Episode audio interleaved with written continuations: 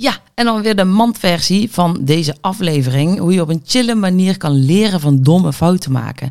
Want oi, wij zijn we toch bang hè, om nog een keer die afvalreis aan te gaan en denken: oh, maar wat nou als dit weer niet lukt? Wat nou als ik weer domme fouten ga maken? En hoe kom je daarvan af? Hoe kom je van die angst af? En hoe kun je nu gaan geloven dat het gewoon wel gaat lukken? Dat je gewoon ass gaat kicken en dat je gewoon denkt, yes, wat zou, we gaan het gewoon eens even nelen. Gewoon de laatste afvalreis ooit. En hoe kunnen we dat leuk maken?